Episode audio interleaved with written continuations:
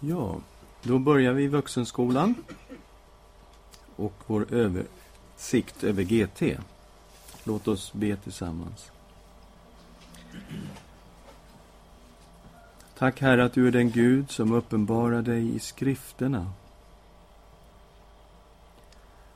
Och vi tackar dig Herre för Gamla Testamentet, ditt ord.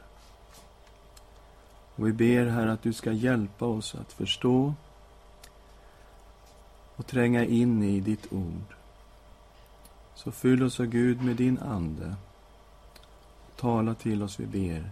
I Jesu namn. Amen.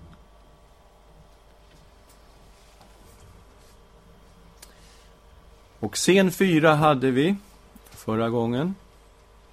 Erövringen av landet. Och domarboken. Så domarboken tycker jag är riktigt jobbig att läsa. Sen finns ju de här fantastiska eh, situationerna med Gideon.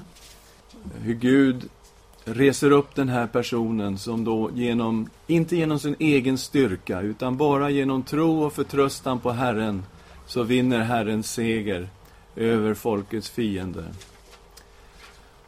Men där finns också intressanta personer som Simson, som vi inte vet riktigt hur vi ska hantera, men stark var han. Urstark.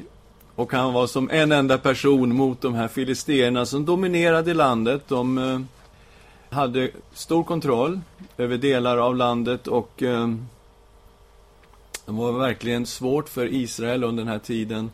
Och då reser Gud upp Simson som med sin oerhörda styrka som kommer från Gud ensam så att säga tar sig an filisterna och är som en nagel i ögat på dem hela tiden. Han var ju en nasir, Simson. Han fick inte låta någon rakkniv komma vid honom, vare sig skägg eller hår.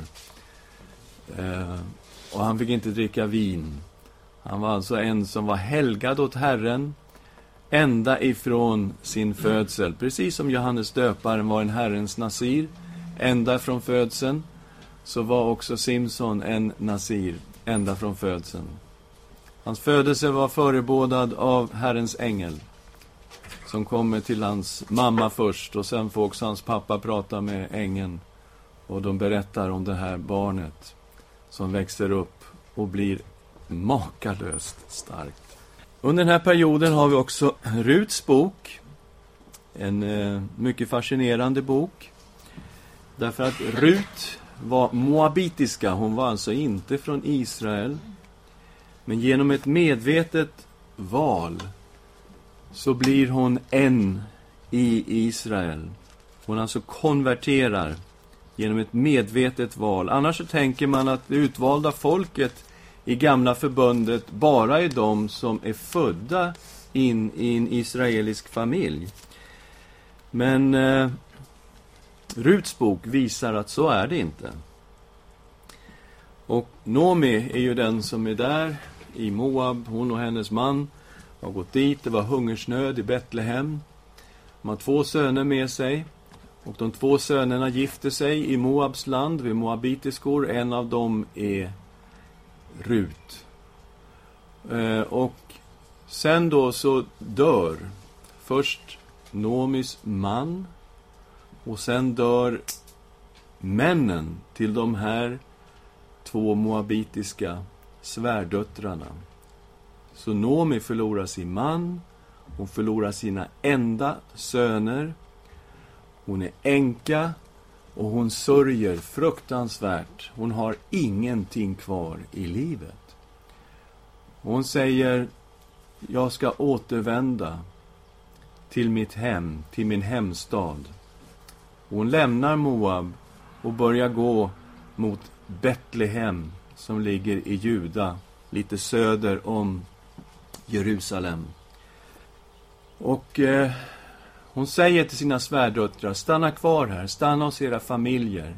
Jag kan inte ge er någonting. Men Rut, hon vägrar att lämna Nomi. Hon säger i kapitel 1, vers 16, tvinga mig inte att lämna dig och vända tillbaka ifrån dig. Ty dit du går vill också jag gå. Där du stannar vill också jag stanna. Ditt folk är mitt folk. Din Gud är min Gud. Där du dör vill också jag dö, och där vill jag bli begravd.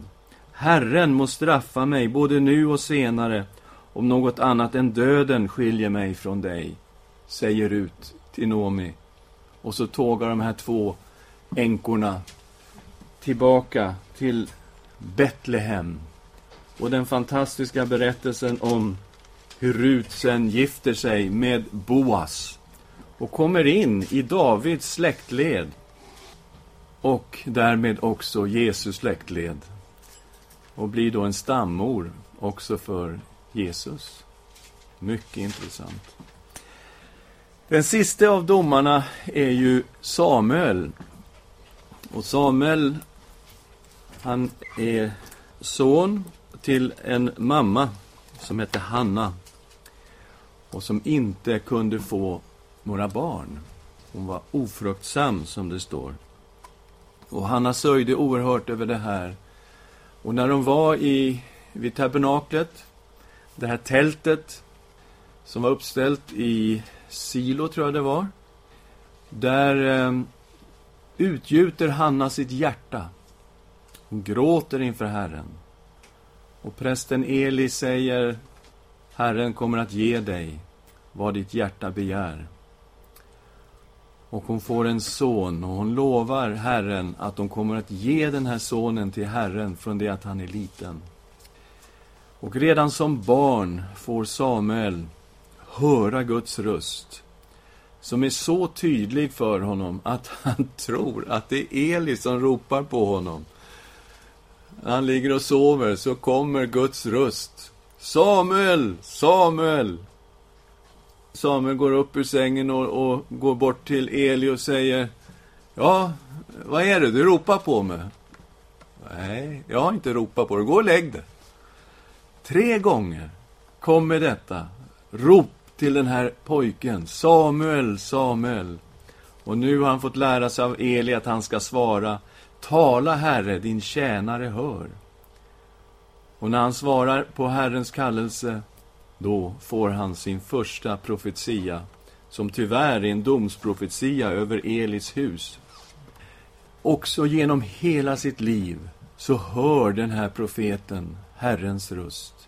Gud talar gång på gång med profeten Samuel. Och han blir den siste domaren i Israel. Och vi kommer nu till den femte scenen som vi kallar för kungariket. Saul, David och Salomo. Och hur Saul blir Israels första kung. Efter domartiden så ändras allting från domare till kungar. Och Samuel var ju domare. Men hans söner, de vandrade inte med Herren på det sätt som Samuel hade gjort. Och Israel, ja, de tyckte vi vill ha en kung som alla de andra folken har. De har ju kungar. Vi kommer till Första Samuelsboken kapitel 8. Vi läser vers 5 till 9. Då samlades alla de äldste i Israel och kom till Samuel i Rama och sa till honom Du är gammal och dina söner vandrar inte på dina vägar. Sätt nu en kung över oss till att styra över oss, så som alla folk har. Det var i Samuels ögon ett dåligt förslag när de sa ge oss en kung till att styra över oss. Och Samuel bad till Herren. Då sa Herren till Samuel Lyssna till folket i allt vad de säger till dig.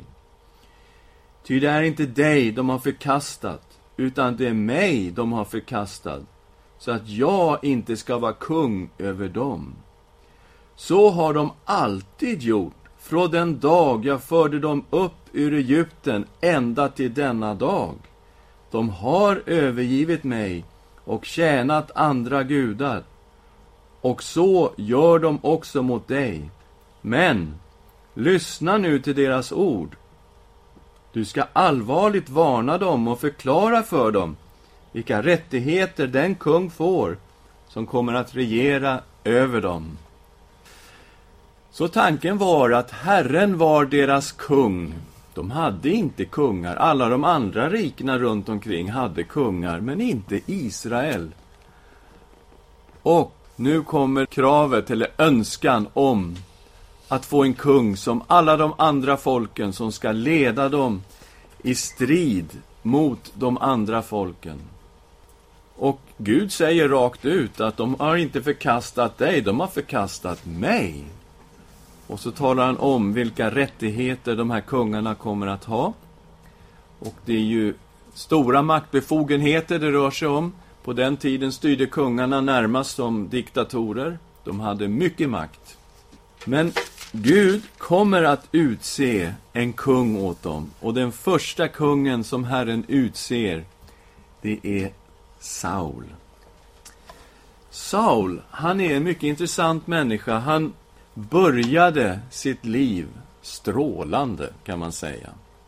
Man läser om honom i nionde kapitlet av Första Samuelsboken att några åsninnor hade sprungit iväg hemifrån och Saul och en tjänare går och letar efter de här.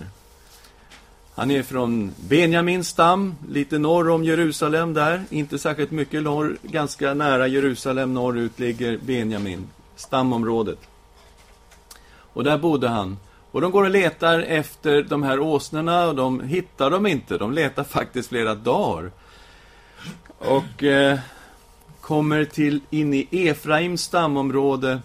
Och då säger Saul, nej nu måste vi gå hem. Eh, för att nu börjar de bli oroliga för oss mer än för åsnorna. Men eh, tjänaren säger, men i den här stan här i Rama, här bor det en eh, profet, en siare. Han kan berätta var de här åsnorna finns någonstans. Och dagen innan Saul träffar Samuel, läser vi i femtonde versen av nionde kapitlet, första Samuels bok. Dagen innan Saul kom hade Herren uppenbarat för Samuel och sagt, imorgon vid den här tiden ska jag sända till dig en man från Benjamins land, och honom ska du smörja till förste över mitt folk Israel. Han ska rädda mitt folk från filisternas hand. Ty jag sätter mitt folk eftersom deras rop har kommit till mig. Och så träffar då Saul Samuel, precis som Herren hade uppenbarat, och Samuel vet ju att det är den här mannen som ska smörjas till kung över Israel. Och vi kommer till slutet av kapitlet, vers 27. Samuel sa till Saul, säg till tjänaren att han ska gå före oss.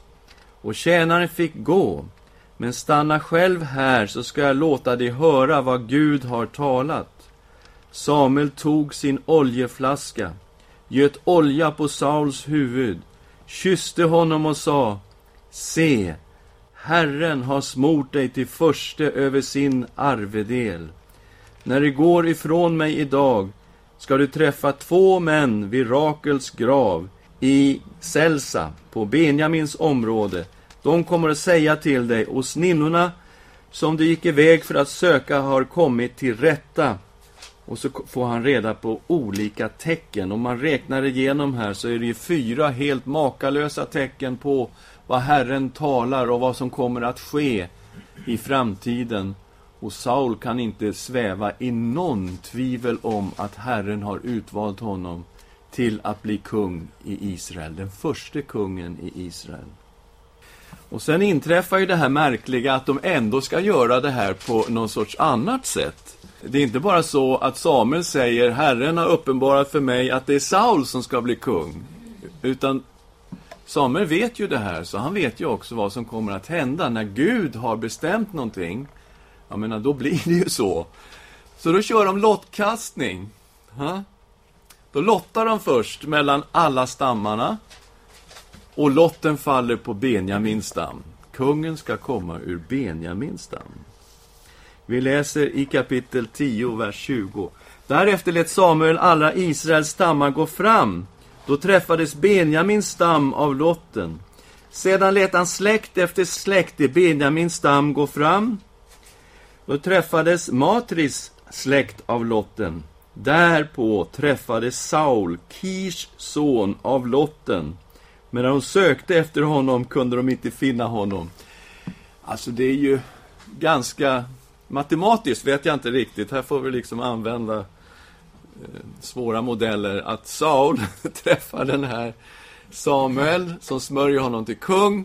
Och sen då, så har de en lottkastning. Hallå, det börjar bli ganska komplicerat. Och så faller lotten på Saul. Okej. Okay. I alla fall, det var vad som hände. Och Saul, han är en väldigt ödmjuk, storsint människa. Han var inte ens där. Han hade gömt sig i trossen, står det alltså någonstans där i F. De som höll på med maten och, och den biten. Där, där höll han till, trots att han visste att han var smord till kung i Israel. Och så var det en del då som tyckte att, ja men ska den där vara kung över oss? Han är väl inte bättre än någon annan? Men Saul var väldigt storsint. Han ville inte på något sätt straffa någon, utan han var väldigt generös. Och sen kommer då detta tragiska, hur makt kan ändå korrumpera. Och den här unge mannen som var så fin i början, hur makalöst korrumperad han blir av makten. Han tar sig friheter som eh, var vansinnig i Israel. Som kung fick han inte bära fram offer åt Herren. Det var ju de som Gud hade utsett som kunde bära fram offer. Och han tar mod till sig och han offrar fast Samuel inte har kommit dit. Det skulle han ju inte ha gjort. För vad som händer till slut, vid trettonde kapitlet, vers 13 kan vi läsa. Samuel sade, du har handlat dåraktigt. Du har inte hållit det bud Herren din Gud har gett dig. Om du hade gjort det, hade Herren befäst ditt kungadöme över Israel för all framtid. Men nu ska ditt kungadöme inte bestå. Herren har sökt sig en man efter sitt hjärta, och honom har han utsett till förste över sitt folk, men du har inte hållit vad Herren har befallt dig. Och så fortsätter det med olydnaden när det gäller Amalek. Kompromissandet när det gäller Herrens befallning kring Amalek. Och till slut så blir han ju då otroligt avundsjuk på en viss David. Så avundsjuk på honom att han blir, han blir som besatt av den här avundsjukan mot David. Så att han beslutar sig för att slå ihjäl David med alla tänkbara medel.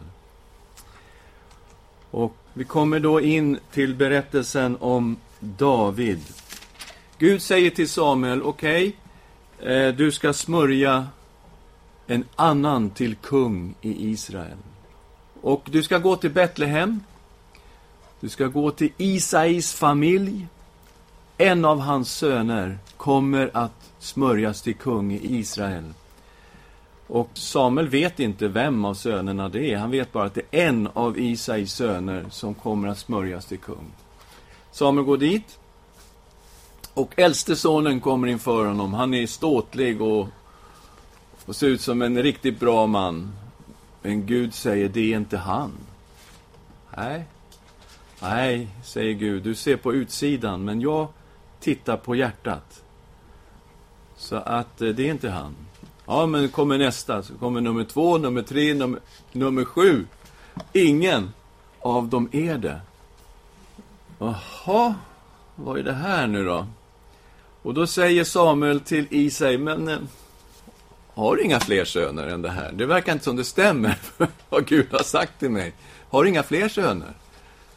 Jo, vi har den här lilla grabben. Honom har vi lämnat ute bland fåren.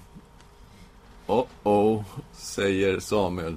Hämta hit den här lilla grabben får vi titta på honom. Kommer David. Och Gud säger, det är han. Och så smörjs David till kung i Israel. Det som var svagt i världens ögon, det utvalde Gud. Det var ingen som hade räknat med David. Men Gud såg vad det skulle bli av David. så smörjs han till kung och Guds ande kommer över honom från den dagen. Och David, han har ju talanger. Han, eh, han är en fantastisk eh, poet. Och spelar sin lyra eller harpa eller vad det kan vara, ett mindre instrument, inte som en sån här stor nyckelharpa utan en mindre sak. Och han skrev sina salmer, lovsånger till Herren. Och vi har dem ju i Saltaren, psalm efter psalm, skriven av David. En man efter Guds hjärta. Var han perfekt? Inte på något sätt. Han var en syndare och han begick fruktansvärda synder, äktenskapsbrott och till och med anstiftan till mord. På vilket sätt var han i så fall en man efter Guds hjärta? Ja, han ångrade sig när han konfronterades med sin synd. När profeten Natan kom och konfronterade David med sin synd. Då ångrar han sig djupt inför Herren och ber om förlåtelse. Och vi har ju psalm 51 som är en av de starkaste syndabekännelserna som finns i hela Bibeln ifrån David. Han ångrar sig djupt. På så vis är han en man efter Guds hjärta. En människa som i tider av glädje lovsjunger Gud med hela sitt hjärta. En människa som i tider av sorg också går till Herren med all sin sorg och gråter ut inför Herren. Så oavsett hur det ser ut i Davids liv, för det såg verkligen olika ut. Oavsett hur det såg ut, så vänder han sig alltid till Herren. Och det är det som gör honom till en man efter Guds hjärta. Han hade andra talanger. Han var ju en fantastisk krigare. Och han hade lärt sig, säger han, att slå ihjäl både lejon och björn som fåraherden. Och det är den lilla CVn han håller upp inför kung Saul när det handlar om att slåss mot Goliat. Va, vad kan du göra? Du som är så ung, hur ska du kunna slåss mot den här jätten som är tre meter hög drygt? Jag menar, hallå, vad har du tänkt dig? Vad har du för CV? ja, men alltså, Gud har varit med mig, va? Jag har eh, räddat fåren. Från både björnar och, och lejon. Och... Jag har slagit ihjäl dem här. Jaha, och Saul blir ganska impad. Så till slut så säger han, okej. Okay, Gud är med dig. Herren är med dig. Du får chansen att slåss mot Goliat. Och David prövar då lite olika röstningar och sånt här. Han, han har ju aldrig burit sånt där och det är ingenting som passar på honom. Så han tar sin hederstav. och så har han sin lilla hederväska. Och i den har han en slunga. Och väl utvalda stenar. Som han har plockat i bäcken. Släta stenar. Som han vet, de här kommer jag kunna slunga med stor precision när jag kommer i närheten av Goliat. Och han tar alltså den här slungan och han tjongar in en sten mitt i planeten. Och Goliat, han blir knockad. Faktiskt. Han svimmar av. Sen springer David fram och med Goliats eget svärd så ger han nådastöten till Goliat. Så det är ju den här fantastiska berättelsen som vi har levt med i söndagsskolan. Till slut så dör Saul i ett krig. Och även hans son Jonatan dör. Han har ju en son kvar som inte dödas i det här kriget, det är Isboset. Och eh, Isboset blir kung i Israel. Men samtidigt så blir David kung i Juda. Och David sätter upp sin regering i Hebron i Juda. Och det blir lite inbördes strider här mellan eh, Israel och Juda, mellan Davids hus och Isboset. Och det visar sig då att Isboset dör och David blir kung i hela Israel. David regerade i Hebron i drygt sju år. Men sen efter de här sju åren så kommer Israels stammar till honom och säger Vill inte du bli kung över oss också? Vi vill att du ska vara kung över hela Israel. Vi känner till profetian som Samuel har uttalat att du ska vara en herde för Israel. Och David accepterar det här och sen intar de Jerusalem. Jerusalem hade ju varit bebott av jebuséerna och var en befäst stad, mycket svår att inta. Och de hade inte lyckats ta Jerusalem. Så att nu lyckas de ta Jerusalem och David sätter upp Jerusalem till att bli huvudstaden i Israel. Och då är vi ganska nära exakt tusen år före Kristus. När Jerusalem blir huvudstad i Israel. David, han vill bygga ett hus åt Herren. Han säger, men Gud, han bor ju i ett sånt här tält och jag bor i ett palats. Jag menar, det måste ju vara någon jämförelse. Jag vill att Herren ska ha ett tempel. Och då kommer profeten Natan och säger till honom, du kommer inte att få bygga det här templet. Det kommer inte att ske. Men jag ska bygga ett hus åt dig, säger Gud genom profeten Natan. Och han säger att en kung, en son efter honom, ska få bygga templet. Och naturligtvis handlar det om Salomo, som blir näste kung efter David. Det är han som får bygga templet i Jerusalem. Men sen kommer också de messianska övertonerna rakt in i Natans profetia, där Gud säger att han ska befästa kungatronen till evig tid. Och han säger också om den här sonen till David att jag ska vara hans fader, han ska vara min son. Och att hans rike aldrig ska ta slut, det ska vara ett evigt rike. Och här ser vi nu de messianska profetiorna börjar ifrån profeten Natans ord och utvecklas om Messias som Davids son. Och det är många sådana profetior i skriften. David regerar alltså i 40 år. Och han krigar en hel del. Han krigar höger och vänster, norr och söder. Och vinner seger i alla de här krigen så att Israel blir ju ett, en stormakt kan man säga som dominerar hela den här regionen och de får fred med alla sina grannar och alla sina före detta fiender. Och Salomo kommer ju från, namnet kommer ju från ordet salam, alltså fred. Han är ju en fredsförste Salomo. Han regerar i 40 år och han har fred hela tiden. Det är väldigt ovanligt i den här regionen, ska jag säga, att ha fred så länge som 40 år. Men han får regera som kung i Israel och han bygger alltså templet som invigdes 959.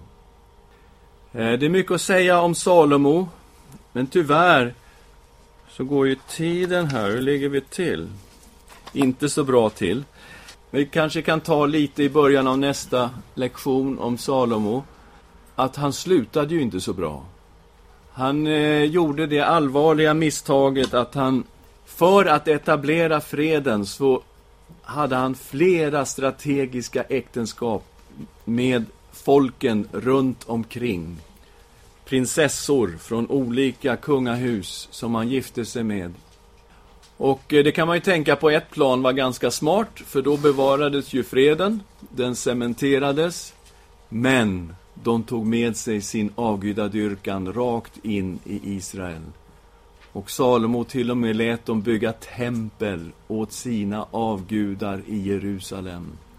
Och så kom avgudadyrkan återigen in och fick fäste i Israel i slutet av Salomos liv. Och till och med han själv började vackla i tron på Herren och började tillbe de här avgudarna. Ja, inte så roligt att säga det som avslutning. Vi avslutar med att be tillsammans. Herre, återigen ser vi att det är du som är historiens Gud. det som sker i den mänskliga historien med Israel. Vi ser att du var mitt i detta. Och du hade dina profeter som kom och talade ditt ord mitt i de här situationerna.